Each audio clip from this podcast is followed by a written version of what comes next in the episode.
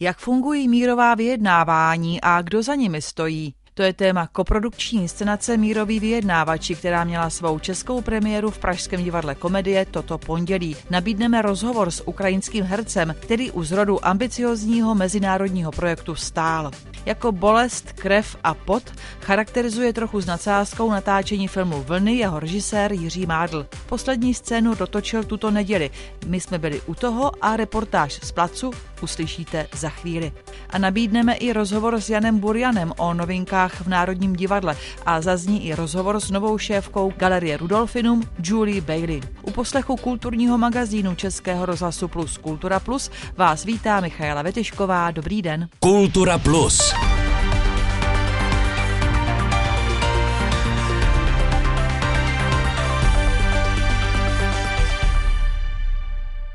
Po 55 natáčecích dnech v noci z neděle na pondělí filmaři dotočili snímek Vlny.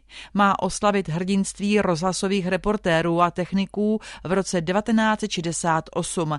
Jako poslední režisér Jiří Mádl točil scénu, která film zahájí. A to také sledoval redaktor Tomáš Maleček. Jirko, může? Ano, ano. Takže už jdeme na to. Odstartuj to. My tady točíme v Nerudově ulici přímo pod Pražským hradem takovou noční scénu, kdy spoustu studentů jde se svíčkama. Provolávali studenti 31. října 1967, jak upřesňuje režisér Jiří Mádl. Je to scéna, která má reálný základ. Studenti tehdy se naštvali, že jim pořád vypínají na kolejích elektřinu a teplo a vyrazí do ulic, aby proti tomu protestovali, ale původně to mělo být jaký přátelský, taky vlastně sváteční skoro pochod, ale nakonec, když je policie brutálně seřeže, tak to dostane politický kontext. Demonstraci asi dvou tisíc studentů tehdy rozehnali příslušníci veřejné bezpečnosti. O policejní brutalitě poprvé otevřeně referoval tehdejší tisk. Tato úvodní scéna se do filmu málem vůbec nedostala. My jsme ji měli točit, ale pak v rámci rozpočtu prostě to vypadalo, že bude muset ven a pak jsem se s tím nějak smířil. Nakonec se ale ukázalo, že opravdu ten začátek to potřebuje, že potřebuje tu velikost. Kolik tady máte dnes komparzistů? 120, 130? Ale té demonstrace se zúčastnili tisíce studentů. Jak to uděláte? My to děláme filmovým množením. Chvilku jdou někde, chvilku jdou někde a ta kamera se nehne a my to pak spojíme, že to vypadá za sebou, že, že je to prostě, jsou to tisícovky. A v komparzu jsou i dva studenti, Adam a Ondřej. Máme svíčky, protože právě to je ta symbolika toho, že nám to světlo vlastně zastlo. Že? Teď je krátce po 19. hodině. Od kolika tady jste? Přímo tady jsme zhruba od 4 hodin, přičemž jsme celkem dlouho čekali právě než akce vypukne. Celý ten natáčecí den začínal pro nás už ve dvě hodiny. Míň úsměvu, míň úsměvu. Míň bojovnosti. A jak režisér Jiří Mádl 55 natáčecích dnů vlastně charakterizuje? Bolest, krev a pot. Já nevím, jak bych to řekl. Já na to vzpomínám vlastně jako teď už s radostí, protože vím, že končíme a že to tam je. Tak, hotovo. Filmový příběh dvou bratrů je inspirovaný skutečnými událostmi tehdejších členů redakce Mezinárodního života v čele s Milanem Weinerem. Do kin by měl snímek zamířit koncem léta příštího roku. Tolik k filmu Jiřího Mádla Vlny. Jak vypadá den mírového vyjednávače, co třeba musí umět. I o tom vznikl mezinárodní divadelní projekt Mírový vyjednávači. Text napsal kosovský dramatik Jeton Naziraj a i na základě skutečných mírových vyjednávání v moderních dějinách Evropy a ze vzpomínek diplomatů. Ke spolupráci přizval scény z Norska, Estonska, Itálie, Bosny a Hercegoviny a také Českou republiku. Tu konkrétně zastupují městská divadla Pražská.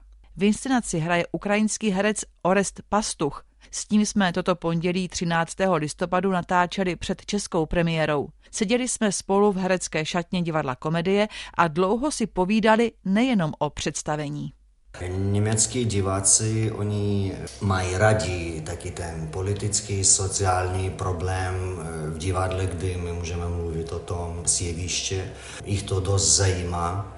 Jich to zajímá, že my máme taky tým z různých lidí z různých zemí a mluvíme o těch problémách, které teďka v Evropsku a ve světu je dost aktuální, jako válka, mírové vyjednávání, konflikty mezinárodní, mezinacionální, jako jak to funguje, jak to teďka, protože nevíme, co bude s náma v příštích 100 let, tak ty otázy teďka znovu a znovu stají dost aktuálními. Tak. Jak se vás právě ta inscenace osobně dotýká? Dotýká se osobně, protože e, teďka na Ukrajině máme ještě takovou situaci dost komplikované, ale víme, že v budoucnosti musíme taky, budeme mít tým mírové vyjednávání, tak ale nevíme, jak, jak, jaké jsou otázy a dotazy budou na tom papíru. Proto je těžký pro, pro všichni Ukrajinců, je ta, ta téma ještě těžký. Ale rozumíme, že to musí, musí být. A tento projekt eh, ukazuje všichni problémy, jak to je nejednoduché, jak to je nejednoznačné, že za těma eh, dohodama stojí dost velká práce, dost různí problémy, které lidi jsou vůbec neví a prostě A na tomhle hrajete, jo? Je to hlavní jako... Uprostřed jeviště divadla komedie stojí kulatý stůl s několika kancelářskými křesly. Na jednom z nich bude sedět také ukrajinský herec Orest Pastuch, který je členem městských divadel pražských od začátku války na Ukrajině. Byl to návrh eh, Daniela Přibila, který jeden den mě se zeptal a já mám pro tebe zajímavý projekt, nechtěl bych to zkusit. A taky bylo to zajímavé pro to divadlo Quendra Multimedia, které to dělá v Kosovu. Eh, oni chtěli jako taký soubor různých lidí, ale z, z takých zemí, kde to jako o tom o tom něco už bylo, bych taky mít nějakou zkušenost. Spolu s dalšími evropskými herci už představení hráli v Kosovu, Makedonii a aktuálně o víkendu v Německu. No, Balkánsko kouká na, na ten příběh ze své zkušenosti, protože Kosovo a Bosna, oni měli války, tak... V 90. letech. Jo, jo, i pro nich to jako dost důležité. To zajímavé, protože když ti diváci koukají na představení, to my vidíme a cítíme, že oni vnímají to. V Německu publikum eh, reaguje už na úplně jiné věci. Oni mohou sobě povolit jako reagovat na nějaký už taký nasměch nad politikou. Co nejvíc rezonovalo, když jste si o tom povídali? Jaká myšlenka? Hlavní myšlenka je ta, že v každých mírových vyjednávání hlavná otázka je, je to konec jenom té války lokální, nebo je to konec války jako války ve světě. Nikdy nevíme odpověď na tu otázku. Mm-hmm. I to tak. je o tom, o čem my jsme mluvili jako celou cestu našeho procesu. Mm-hmm. Takže abych to chápala správně, nejpalčivější společná otázka, která vás provázela, jednáme o konci této války konkrétní, anebo vůbec mluvíme o tom, že přestanou války? Jo, je to problém, že, ne, že v, na dva, v 21. století my nevíme odpověď na tu otázku. Na Ukrajině je válka, muži jsou ve válce. Šel byste vy bojovat? Pro mě je to komplikovaná otázka, protože je jako tu mě bolí a tu mě bolí taky, že nejsem tam. Proto se na to ptám. Jo, jo, to je s tím, jako každý, kdo má trochu něco tu v hlavě a, a něco tu v srdcu, tak jasně, že to je to, s čím my jako vstáváme ráno, láme v noci do postele. Jako ty myslíš o tom každý den, protože mám hodně kamarádů, mám rodiče, kdo je tam, kdo už zmár, kdo byl ubít, kdo jako ještě bojuje a, a že no ale tak se stalo, že tak se stalo, že jsem tu na daný, jako na daný čas, tak musím dělat jako to, co, to, co můžu dělat. Jako hlavní práci je to dialog, protože teďka můžeme vidět, že informace je taky Válka je taky na, na, na, na prostoru informace. Během inscenace se kulatý stůl stává také pódiem pro pěvecká show nebo prodejním pultem, protože mírový vyjednávač musí zvládnout mnoho rolí, aby dosáhl svého cíle. Posloucháte týdeník Kultura Plus. Aktuality ze světa filmu, divadla nebo výtvarného umění. Najdete ho také na webu plus.rozhlas.cz, aplikaci Můj rozhlas a v dalších podcastových aplikacích. Z londýnského muzea Tate Modern přes Pražskou národní galerii až do galerie Rudolfinum. Taková je ve zkratce dosavadní kurátorská cesta Julie Bailey. Od nového roku povede zmiňovanou galerii v Rudolfinu. Vystřídá po třech desítkách let Petra Nedomu. Jaké má Julia Bailey plány? To naznačila v rozhovoru s Martinem Hrnčířem. Původně jste vystudovala hudební vědu, pak jste se deset let věnovala práci v marketingu a nakonec jste se ale rozhodla změnit profesi a stát se kurátorkou. Co vás tomu vedlo? Kurátorství mě lákalo delší dobu. I když se zabýváte marketingem v muzeu, tak nemáte žádné slovo ohledně toho, co by se mohlo vystavovat. Chtěla jsem na to mít větší vliv. Když se věnujete té obchodní stránce, je těžké se přesunout ke kurátorství kurátorství. Nejdříve jsem tak dělala kurátorské projekty na volné noze a spolupracovala přímo s umělci. Jakmile jsem odešla do Smithsonian American Art Museum v rámci doktorského studia, dala jsem si od marketingu pauzu. Nakonec jsem se vrátila do Londýna a začala pracovat v Tate Modern jako asistentka kurátora. Vyžadovalo to hodně tvrdé práce, aby mě tak lidé vůbec dokázali vnímat, neboť jsem měla deset let zkušeností v jiném oboru. Teď si toho vážím, protože mnoho lidí se dostane na ředitelskou pozici přes kurátorskou dráhu a pak najednou musí řešit financování nebo přemýšlet o značce a o tom, jak komunikovat s lidmi z široké veřejnosti, ale i z hlediska podporovatelů. S tím mám také bohaté zkušenosti. V londýnském Tate Modern jste pracovala v akviziční skupině, která se specializovala na nákup děl ze středovýchodní Evropy a Ruska. Bylo to právě tehdy, kdy jste se nadchla pro tuto oblast umění? Už moje doktorantská práce byla zaměřená na historické souvislosti v letech 1950 a 1960 mezi Sovětským svazem a Spojenými státy americkými. Zajímalo mě, jak využívali umění jako formu diplomacie. I díky tomu jsem pak dostala místo v Tate. Nakonec jsme se tam ale ruskému umění skoro vůbec nevěnovali. Místo toho jsem dala přednost spíše středoevropskému a východoevropskému umění, což bylo úžasné. Rozšířila jsem si tak znalosti třeba českého, polského, rumunského nebo maďarského umění. Pokud jde o akvizice a práci na rozšiřování sbírky, Tate se velmi soustředí na rozšíření globální sbírky. Kurátoři měli tendenci odjíždět z Londýna na několik dní do jiné země, aby tam mohli nasát kulturu a zjistit, jaká je tam umělecká scéna. Na základě toho se pak rozhodovali o sbírkách. Bavili se s místními galeristy, koho z umělců by doporučili. Proto jsem měla silné nutkání taky strávit někde delší čas. Dovolilo mi to nakonec angažmá v Pražské národní galerii.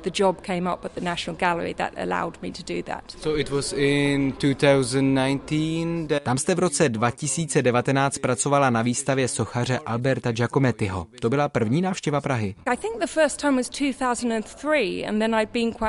Poprvé to bylo v roce 2003, pak už jsem se vracela pravidelně.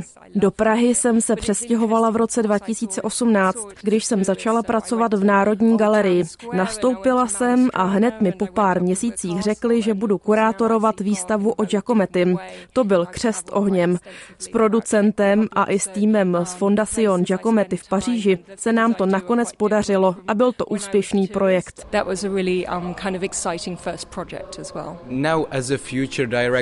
Nebude vám jako budoucí ředitelce galerie Rudolfinum chybět ta kreativita a ruch kolem přípravy výstavy? Neobáváte se byrokracie? Pracovala jsem 15, 17 let ve státem financovaných institucích. S tímto druhem administrativy mám bohaté zkušenosti a pracuje se mi v tom velmi dobře, ačkoliv si uvědomuji, že i tak je to výzvou. Opravdu mě baví obchodní stránka provozu galerie a jak se dostat blíž k návštěvníkům. V kurátorství však hodlám pokračovat. Stále mám v plánu připravit každý rok nebo dva výstavu. Jako hlavní úkol ale vnímám roli ředitelky a spolupráci na výstavách s dalšími kurátory. Galerie Rudolfinum je známá tím, že do ní mohou přijít lidé zadarmo. Jak to v současné situaci, kdy se mnoho kulturních institucí potýká s vysokými náklady udržet? Je to finančně náročné období jak pro instituce, tak i pro běžnou populaci. Galerie Rudolfinum volný vstup zavedla zhruba před pěti lety. Po celou tu dobu je podporovaná sponzorskými dary. Samozřejmě doufáme, že spolupráce bude pokračovat. Pokud toho nebudeme schopni, hledali bychom podporu jinde. Mnoho let jsem pracovala v galeriích a muzeích v Londýně, které měly vstup zdarma, zejména do stálých sbírek. A vždycky se po několika letech, kdykoliv nastala finanční krize nebo finančně těžké období, objevila otázka. Měli bychom začít vybírat vstupné? Některé kontroverznější hlasy říkali, spoplatněme jen cizince nebo jen turisty. Pak se ale rozpoutá velká diskuze o tom, jak by se to vůbec dalo kontrolovat. Průzkumy prokazují, že díky vstupu zdarma přijde více lidí a ti pak mají tendenci si koupit v galerii třeba kávu nebo něco v obchodu s dárkovými předměty. V případě zavedení placeného vstupu tak nakonec můžete o peníze přijít, protože se sníží návštěvnost a tím pádem i pravděpodobnost, že si lidé něco koupí. Je třeba zaměřit se na to, aby se k nám lidé nadále vraceli. V kavárně můžeme rozšířit nabídku a v obchodě taky. To je třeba něco, co můžeme změnit a volný vstup takto podpořit. Teď se v našem kulturním magazínu budeme věnovat novinkám v Národním divadle. Bude nás zajímat stav státní opery po havárii, kterou tam způsobily letní bouřky a voda a zeptáme se také, na základě čeho bude operu dál vést její současný šéf Per Boy Hansen. Tak stojíme na provozním schodišti státní opery a tady několik metrů pod náma bylo před týdnem jezero. Popisoval mluvčí první české scény Tomáš Staněk ve druhé polovině srpna stav nově opravených a zmodernizovaných podzemních prostor divadla. V něm se po zásadní zásadní rekonstrukci začalo hrát před třemi lety a patří k nejmodernějším divadelním budovám ve střední Evropě. Tudy vlastně tímhletím technickým výtahem na dekorace proteklo minus tři patra vody. Při srpnové prohlídce Staněk ovšem netušil, že voda nejvíc zničí právě tento obří výtah. Je to výtah, do kterého se vejde klec kamionu, to znamená, je to zhruba ta velikost, protože my tímhle výtahem standardně stěhujeme dekorace dolů do podzemí. Dneska jsme se vrátili zhruba o 100 let zpátky, takže ty dekorace nosíme ručně. Eh, dneska poprvé kluci technici ručně z ulice, z kamionu vykládali dekorace a nosili je po schodech dolů. Kvůli porouchanému výtahu se například nemůže hrát oblíbená opera Rigoletto, řekl v rozhovoru pro Český rozhlas šéf Národního divadla Jan Burian. Neúplně dobrá zpráva je, že je mimo provoz takzvaný transportní výtah a zdvihací plošina, to je vlastně to zařízení, které vede z toho zaplaveného tunelu dolů pod jeviště a zpátky potom na jeviště. Ten výtah my ani nesmíme z bezpečnostních důvodů spustit a musíme ho nechat opravit, eh, protože prostě tam jsou mimořádně přísné na bezpečnostní pravidla. Snažíme se v nějakém urychleném režimu, ale u státní organizace to není tak jednoduché vysoutěžit dodavatele té opravy, on to taky každý opravit neumí. Tam já bohužel v této chvíli Pardon, ani... tam není záruka žádná? No, e, záruka je, nám to zaplatí pojišťovna, ale problém je sehnat toho dodavatele, který to celý rozebere a opraví a musí to být eh, za cenu, kterou nám pojišťovna proplatí. Čili ono to prostě je všechno komplikovanější. Tam já bohužel nejsem schopný v této chvíli říct horizont, kdy to začne fungovat. To nám přináší komplikace, protože my musíme dekorace stěhovat eh, těmi náhradními bočními dveřmi.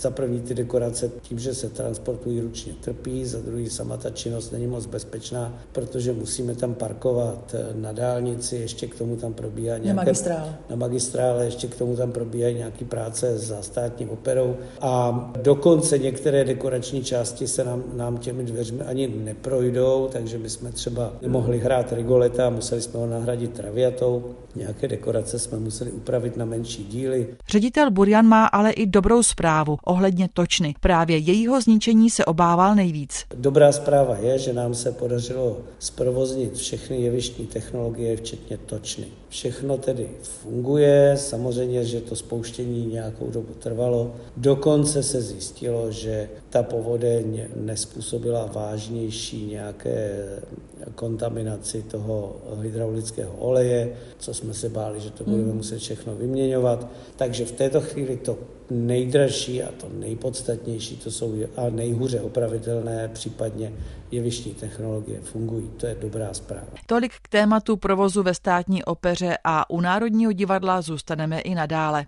Jeho ředitel Jan Burjan prodloužil smlouvu současnému šéfovi opery Per Boy Hansenovi, a to až do července roku 2028. Rozhodl se tak proto, že pod jeho vedením se zvýšil divácký zájem o operní představení a zvýšila se také mezinárodní prestiž souboru. Nově zpracovaná opera Bedřicha Smetany Prodaná nevěsta v režii Alice Neris nebo zpracování Štrausova Růžového kavalíra v režii uznávaného Andrease Homokyho patří podle šéfa Národního divadla Jana Burjana k výrazným počinům Perboy Hansena a i proto mu smlouvu prodloužil o další funkční období. Stalo se tak nejenom na základě vzájemné dohody, ale také na základě interní evaluace, která tady proběhla tak i s pomocí zahraničních expertů. Za prvé Susan Moser, která je ředitelkou německé konference operních divadel a Nicolas Payne, eritní ředitel opery Europe, ale taky Královské opery v Londýně, ale také Jiří Herman, který je uměleckým ředitelem opery v Brně. My jsme velmi kladně hodnotili dosavadní umělecké výsledky Perboy Hansena, které jsou zejména vidět na těch špičkových inscenacích. Vysoce jsme taky ocenili ten skvělý projekt Muzika non grata, kterým jsme připomněli dirigenty a další tvůrce, skladatele, kteří se stali oběťmi nacismu, širším slova smyslu a specificky holokaustu. Pod vedením Perboy Hansena přišli do souboru mladí umělci a vznikl vizionářský projekt Muzika non grata, který představuje díla nacismem pro následovaných umělců. Citujeme dál Burjanovo zdůvodnění, proč se rozhodl Hansenův mandát prodloužit.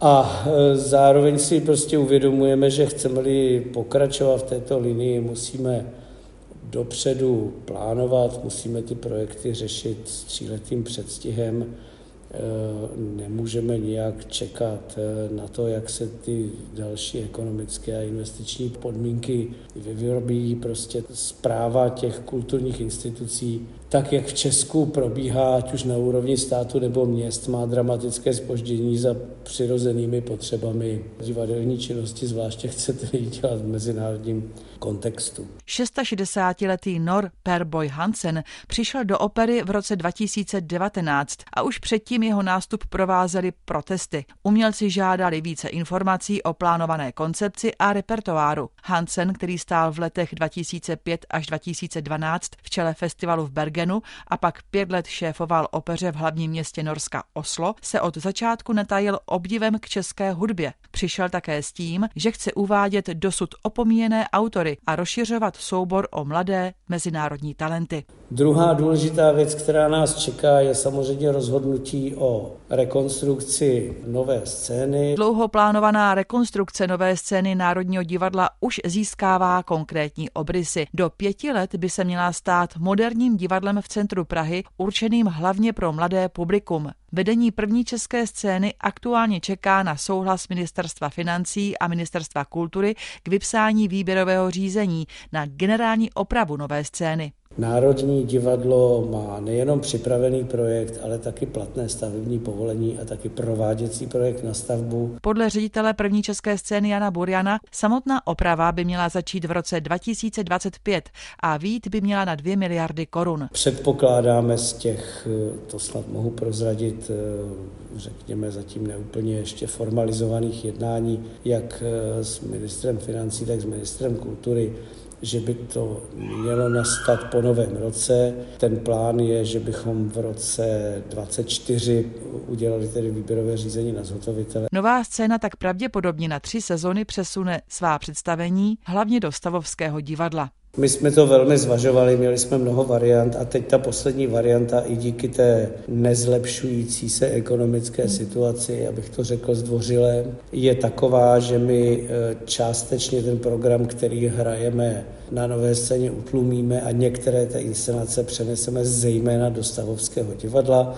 To znamená, že všechny soubory nějakým způsobem v uvozovkách uhnou taky projektům z nové scény a zase některé věci přemístí třeba do státní opery a do historické budovy Národního divadla. Jinými slovy, převážně si vystačíme s vlastními prostory, což je vlastně ta ekonomicky nejúspornější varianta.